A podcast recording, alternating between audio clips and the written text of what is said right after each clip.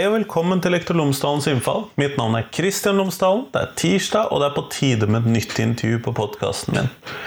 Denne uken så snakker jeg med Pål Brynsrud. Han er nestleder i styret internasjonalt til United World Colleges, som driver 17 internasjonale internatskoler rundt omkring i hele verden.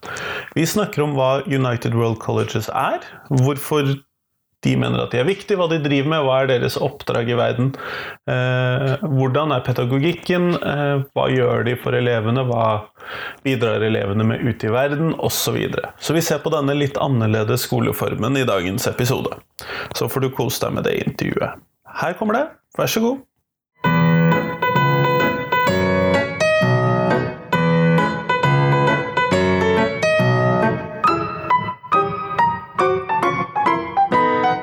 Pål Brynsrud, tusen takk for at jeg har fått lov til å komme og besøke deg på kontoret ditt i dag. Takk. Det er jo søndag, så det er jo det er ikke en helt vanlig dag. Nei, det er jo ikke det. Det er jo ganske tomt her, annet enn oss. Det er nok dessverre det. Men før vi starter intervjuet, kunne du ha fortalt lytterne mine tre ting om deg selv, sånn at de kan bli litt kjent med deg før vi kommer i gang med selve intervjuet? Ja. Jeg, sånn av utdanningsbakgrunn så er jeg økonom. Eh, så jeg har eh, Handelshøyskolen i Bergen, og så har jeg en MBA fra INSEAD i Frankrike. Jeg eh, har jobbet mange år som konsulent, og er i dag partner i et investeringsfirma her i, her i Oslo. Men jeg har også en, en bakgrunn når det gjelder utdannelse fra UWC, som vi skal snakke om i dag. Jeg gikk selv på Atlantic College i Wales fra 1979 til 81. Det er det store slottet, er det ikke det? Det er det store slottet. Det er liksom uh, der, der, alle ville på den tiden. Uh, men det var jo bare tre skoler på den tiden. Det kan vi kanskje komme litt tilbake til. Men i dag så sitter jeg i det internasjonale systemet for UWC. Jeg er nestleder i det internasjonale styret, som altså dekker alle de 17 skolene som vi har i dag.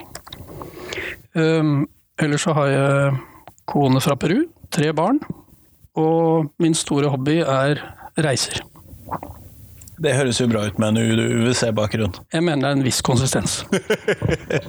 det tror jeg også at det er. Men du, det er jo da altså UWC som vi skal snakke om i dag. Ja. Så hvis vi kunne starte da, hva er UWC? For det tror jeg ikke alle lytterne mine kjenner til. Noen av dem har sikkert hørt om det før, men jeg tror ikke alle har vært bortom det. Nei, altså det er som jeg nevnte 17 internasjonale skoler. Ehm, veldig mange av dem er, dekker egentlig bare videregående skole, eller IB, som da er de to siste årene før universitet. Ehm, og de er spredd over hele verden. Vi har alt fra Japan til Canada til eh, Svasiland eh, til Norge. Ehm, og det er også noen av disse skolene som dekker fra de aller første skoletrinnene også. Eh, vi har bl.a. en i Singapore som er verdens største internasjonale skole, som jeg tror har 5500 elever nå. 5500 elever? Ja, men de aller fleste av disse her har bare type 200-300 elever. Ja. Det er også den som vi har i, i Norge på Vestlandet. Ja, nei, Det hørtes mer normalt ut i størrelsessammenheng. Jeg må si at det overrasket meg litt. Men hva er poenget med disse skolene? Altså øh, Vår øh, mission, øh, om du vil, da, er å gjøre verden til et bedre sted gjennom utdannelse. eller som det heter på engelsk to make education a force to unite people, nations and cultures for peace and a sustainable future. Så dette med fred og bærekraft uh, er sentralt. Um, men uh, det er ikke det er nok ikke bare uh, hva skal jeg si, veldig soft dette her. Er, det er, et ganske tøft akademisk program. som i, i, den grad folk kjenner til IB, så er det jo det, er jo det som på en måte er plattformen akademisk. men vi har veldig mye mer utover det. Um, Blant annet så står dette med samfunnstjeneste sentralt, mens man i IB har et krav på 50 timer samfunnstjeneste i løpet av to år på det som er IB-diplom. Så gjør våre elever 250 timer, tror jeg, i snitt. Så de må bidra med noe ut i lokalsamfunnet, da? Ja. Det kan være lokalsamfunn, eller det kan være på mer global øh, nivå. Um, og vi har også en veldig en utdannelsesmodell, om du vil, uh, som er veldig uh, erfaringsbasert. Uh, vi tar jo folk fra 160 land. Vi har nasjonalkomiteer i 160 land som plukker ut elever som går på disse 17 skolene. Og vi kjører en, en fullstendig miks på hver skole, så vi har ca. 80 nasjonaliteter på hver skole. Eh, og da kan du tenke deg hvis det er 200-300 elever og bare 80 og med 80 nasjonaliteter, så blir mange nordmenn med deg. Det blir ikke så veldig mange nordmenn.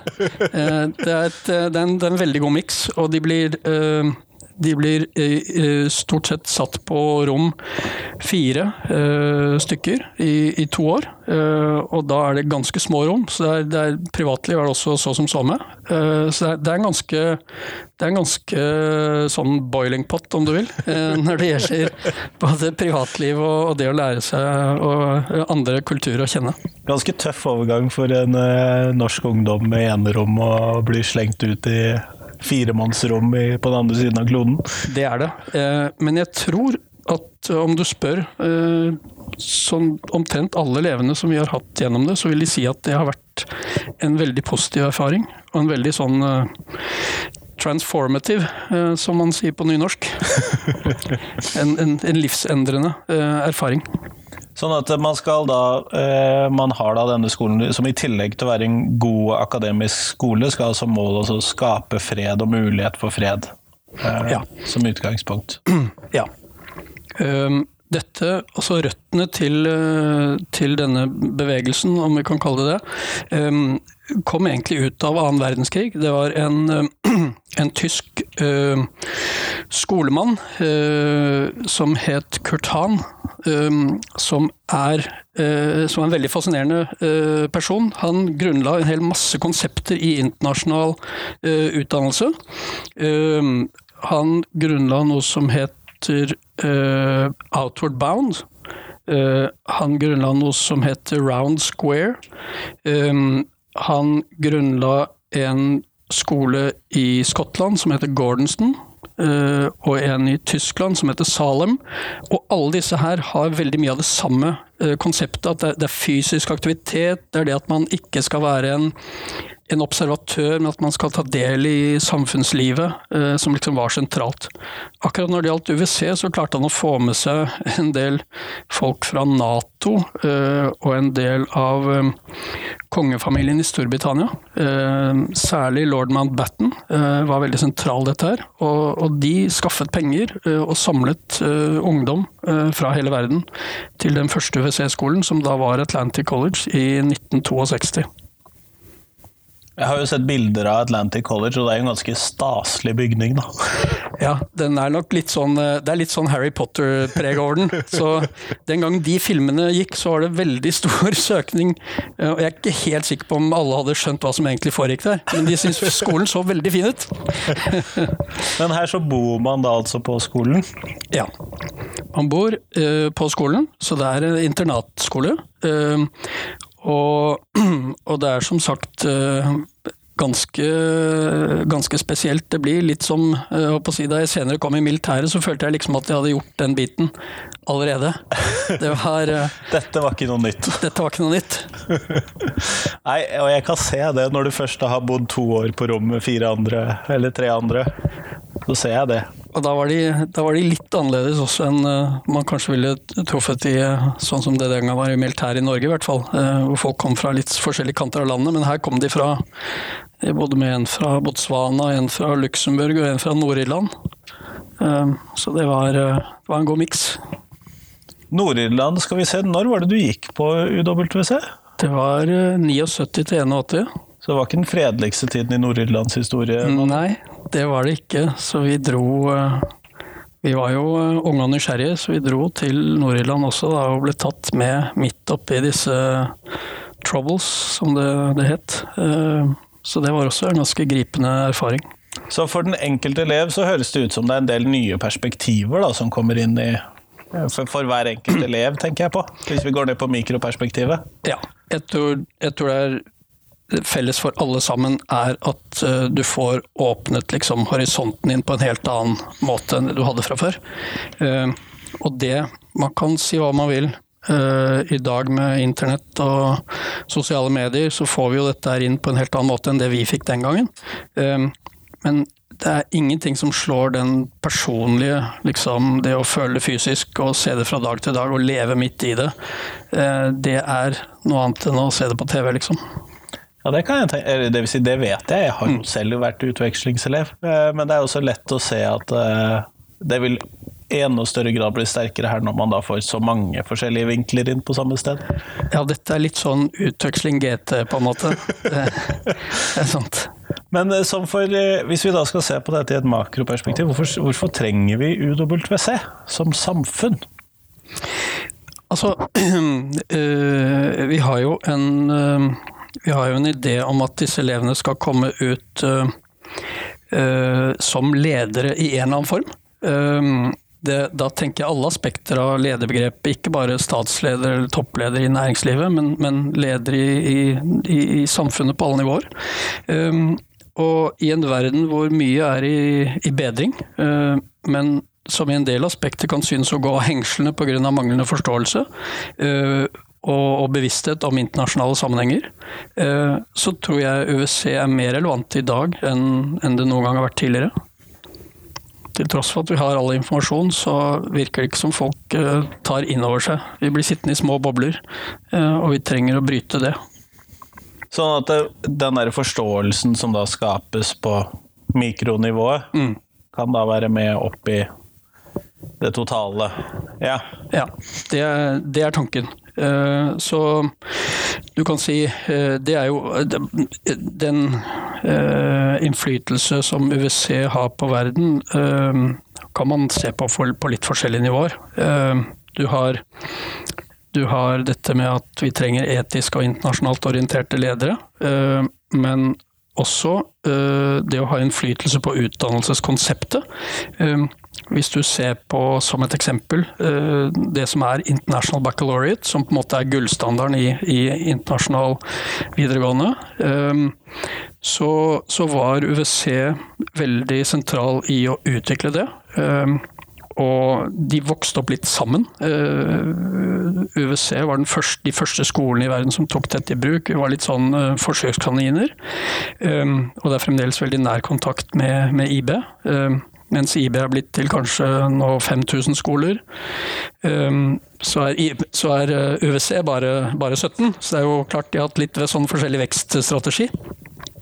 Eh, men eh, det er fremdeles veldig nær kontakt, og, flere av våre lærere er fremdeles eksaminatorer og sjefseksaminatorer osv. i IB-systemet.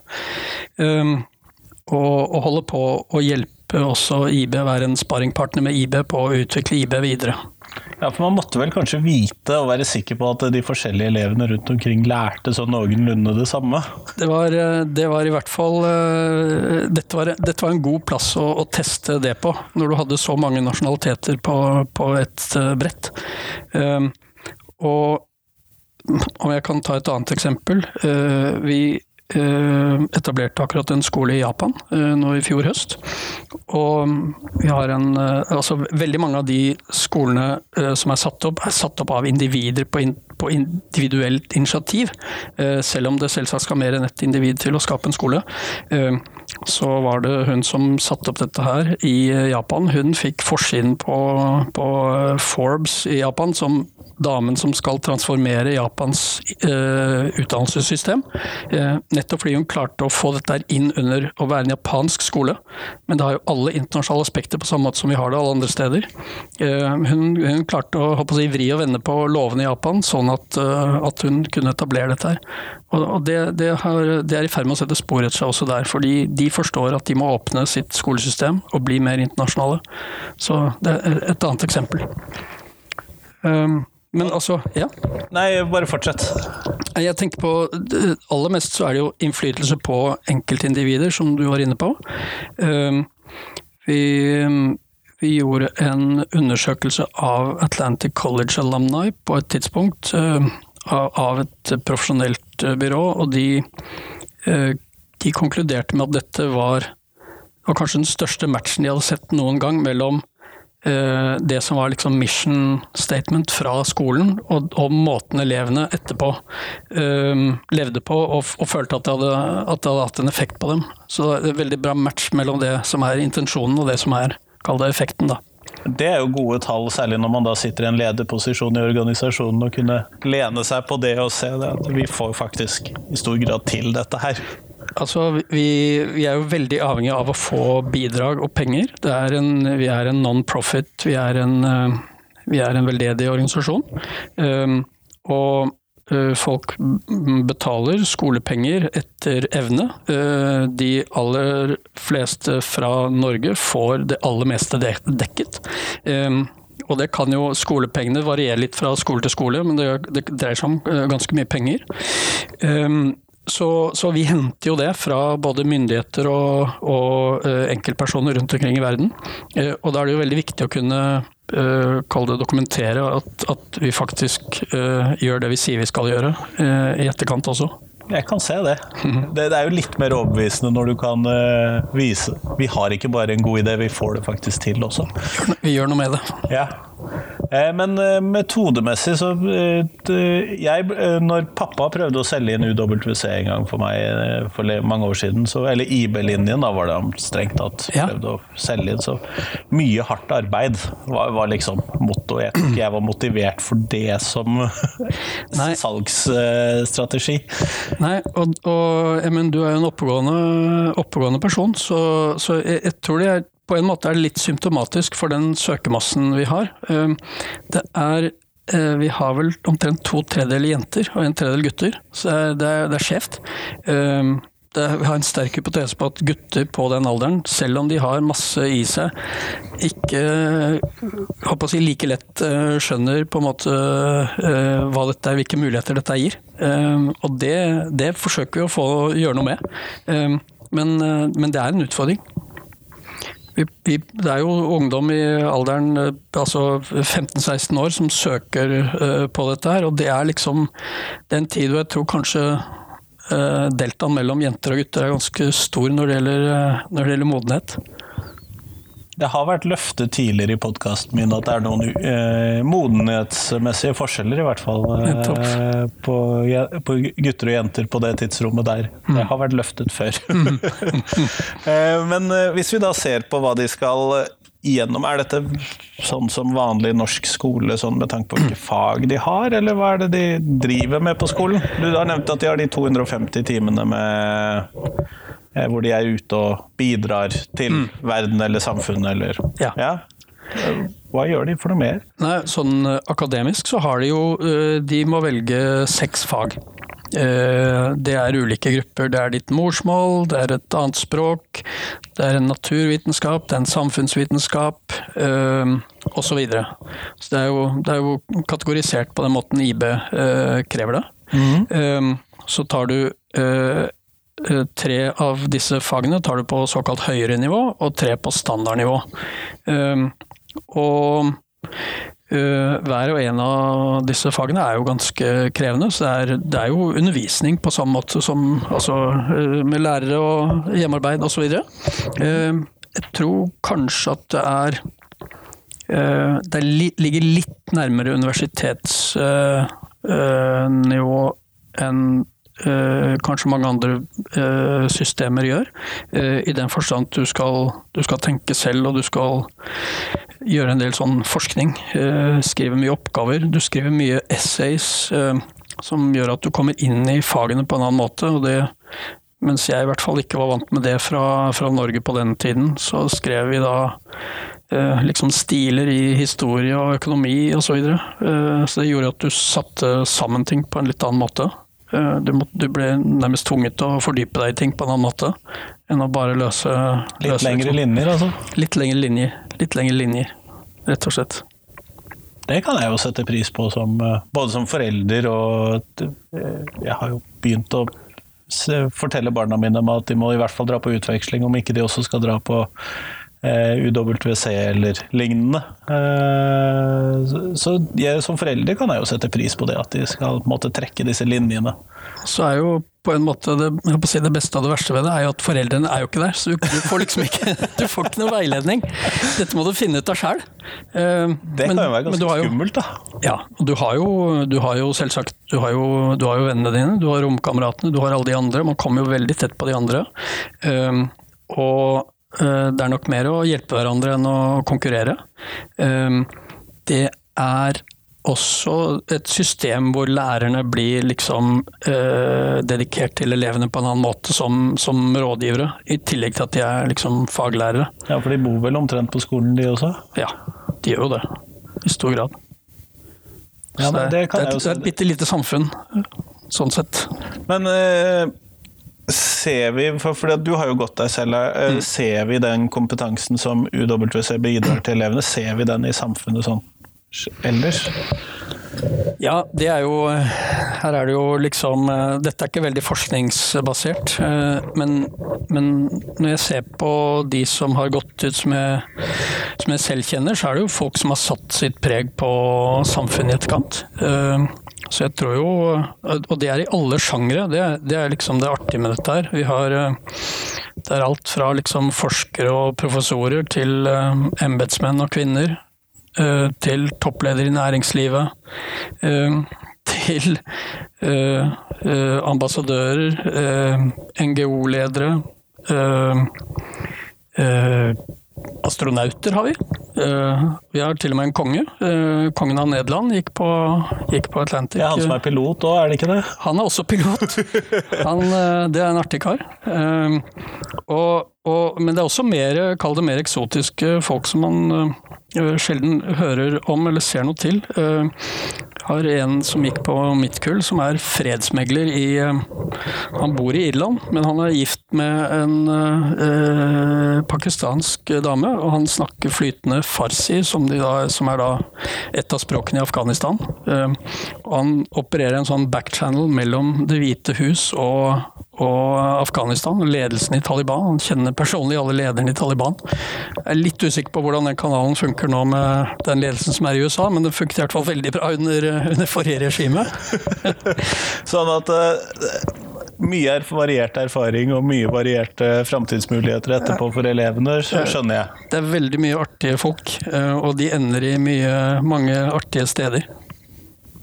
Jeg antar jo også at man blir godt kjent da med mennesker andre land. Har du pleiet kontakt med de i ettertid, de som du bodde på rom med f.eks.? At du ja, jeg har jo det. Eh, så, du sa jo at du likte å reise, så det hører vel kanskje sammen? Det er en flott kombinasjon. Eh, det, det er ikke sjelden at jeg møter folk som jeg gikk på skole med når jeg er rundt omkring i verden.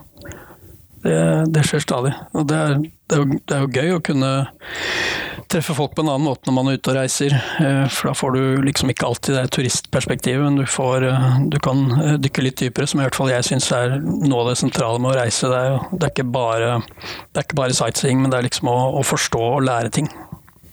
Men hvis jeg som forelder da skulle altså sende barna mine eh, bort i to år for å gå på en skole langt unna meg ja. eh, Jeg for min del kunne jo kanskje føle på at det ville være litt skummelt, da, å sende barna sånn ut? Ja, altså øh, øh, Vi er jo som alle, jeg foreldre selv også, vi er jo opptatt av våre barns øh, ve og vel. Um, men det er jo ikke sikkert at den beste utviklingen for barna våre kommer om vi holder dem veldig veldig, veldig tett innpå oss uh, å si, til evig tid. Uh, på et eller annet tidspunkt så må du, må du, slippe dem. Og da er spørsmålet når er det? Um, det, altså UVC, la meg bare være åpen med det, det er jo ikke for alle, for det er jo en, det er jo en spesiell setting. Men jeg tror det er langt flere enn de 150 som søker på de 40 plassene vi har i Norge hvert år, uh, som kunne være aktuelle for dette her. Dette er for unge, nysgjerrige mennesker som, som, vil noe med livet sitt. Uh, og jeg er 100 sikker på at det er langt flere uh, enn de som ender med å søke på dette her, som kunne være aktuelle. Så jeg, jeg vil oppfordre deg til å, å, tenke på dine egne barn, om de liksom Og, og, og, og vi, vi, sier jo nudge i våre dager. Så kan man sånn, litt sånn forsiktig dytte dem i en retning, fordi de fleste er vel litt sånn behagelig anlagt. Og, og som jeg også var inne på, særlig gutter. Så, så du må nok det må nok en form for motivasjon til, og, og litt sånn eh, modning over tid, eh, tror jeg kan være ganske viktig for, for mange, mange, av de unge, i hvert fall. Eh, så hvis man får høre om dette litt tidlig og treffer noen som har gjort det Vi er jo rundt på skolene med våre eks-elever eh, for å gjøre, gjøre eh, liksom propaganda for dette her, men, men, det er jo ikke alle vi treffer. Og det går også informasjon til alle skolene i Norge hvert år, men jeg er ikke sikker på om all den informasjonen heller Deles ut, da? Deles ut og treffer elevene. Um, grunnen til at jeg selv gikk der, var uh, at en av mine lærere uh, hadde hatt en elev som hadde gått der tidligere, og som oppfordret meg til å søke. Som gjorde at jeg begynte å tenke. Jeg hadde aldri forestilt meg at noe sånt skulle liksom være aktuelt. Så det, bare det at en sånn personlig uh, kontakt, om det er foreldre eller lærere, det, det har også veldig mye å si. Er det noe du tenker at det norske skolesystemet kunne lære av uh, hvordan UWC jobber. Uh, som skolemessig, da? Eller det går vel kanskje litt mer på IB-biten av det? Ja, altså det, er interessant at du sier det. Jeg vet at f.eks. USA på et tidspunkt vurderte om de skulle bruke IB liksom som mal for deres eget skolesystem. Nå kan du vel si at vi har hatt jeg er jo ikke noen skolemann, så dette er jo ikke mitt fagområde. Eh, men, men, jeg ser jo at vi har gjort mye i norsk skole over veldig mange år. Eh, og her kan du si at her er de I IB så er veldig mange av de kall tradisjonelle eh, verdiene. Eh, litt sånn som jeg, har, jeg sitter i et, eh, dette internasjonale rådet som jeg sitter i. vi har et råd og et styre. og Jeg sitter også i dette rådet hvor han eh, som har vært undervisningsminister i Finland, eh, eh, også utenriksminister, sitter. Og han pleier å si at da jeg hadde da, folk, da, da, jeg var undervisningsminister i Finland, og folk kom og skulle besøke meg hele tiden. De kom jo for å benchmarke, fordi vi, vi skåret jo liksom høyest på alt mulig. Um, så kunne jeg bare si til dem at vi gjør dessverre ikke så veldig mye fancy. Vi er veldig tradisjonelle på liksom å heve standarden på lærere og øke, øke, øke nivået på liksom det som er kjernekunnskap.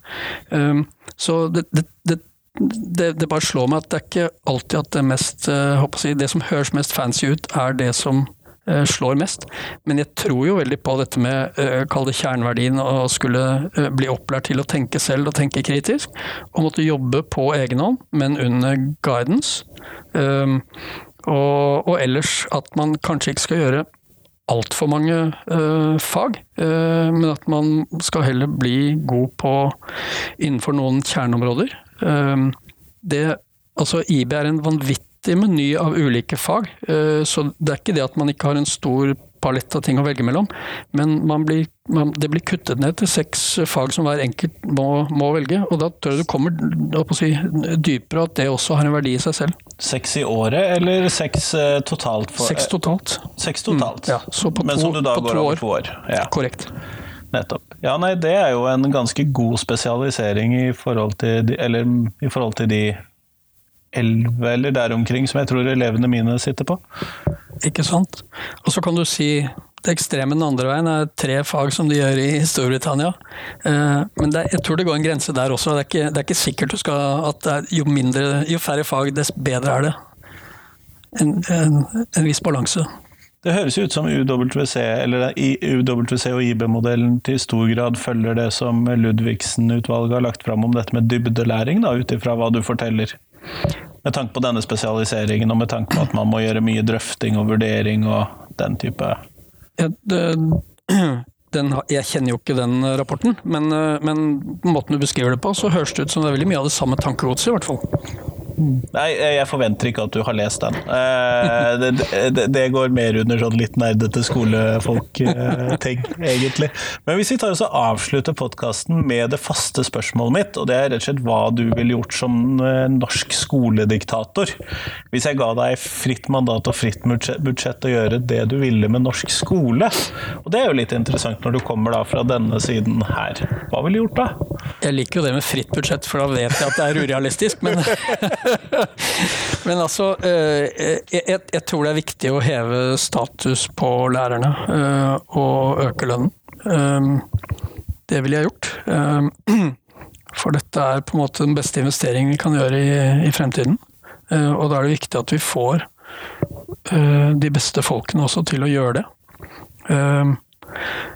Ellers så har jeg, har jeg et par, andre liksom, babies her. Dette med å øke bevisstheten om eh, økonomi, eh, om eh, næringsliv. Jeg, har, jeg tror egentlig vi har altfor liten forståelse i både skole og media om hvordan man skaper goder som vi etterpå skal dele. Og, så det, det må liksom ikke være noe avstand der. Det, det, er ikke sikkert meg sunt. Uh, og ellers er det å øke bevisstheten om det internasjonale. Uh, som Gro Harlem Brundtland uh, sa, alt henger sammen med alt. Det å forstå sammenhenger. Det er, det er jeg, tror det, jeg, tror det, er viktig å få inn også den der, kall det integrative tenkingen. Det høres veldig bra ut. Tusen takk for at jeg fikk lov til å prate med deg. Takk.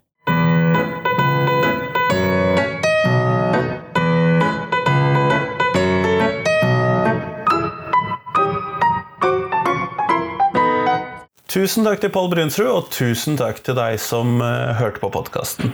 Nå er det en uke til neste episode, for vi tar selvfølgelig ikke sommerferie her i Lektor Lomsdalens innfall.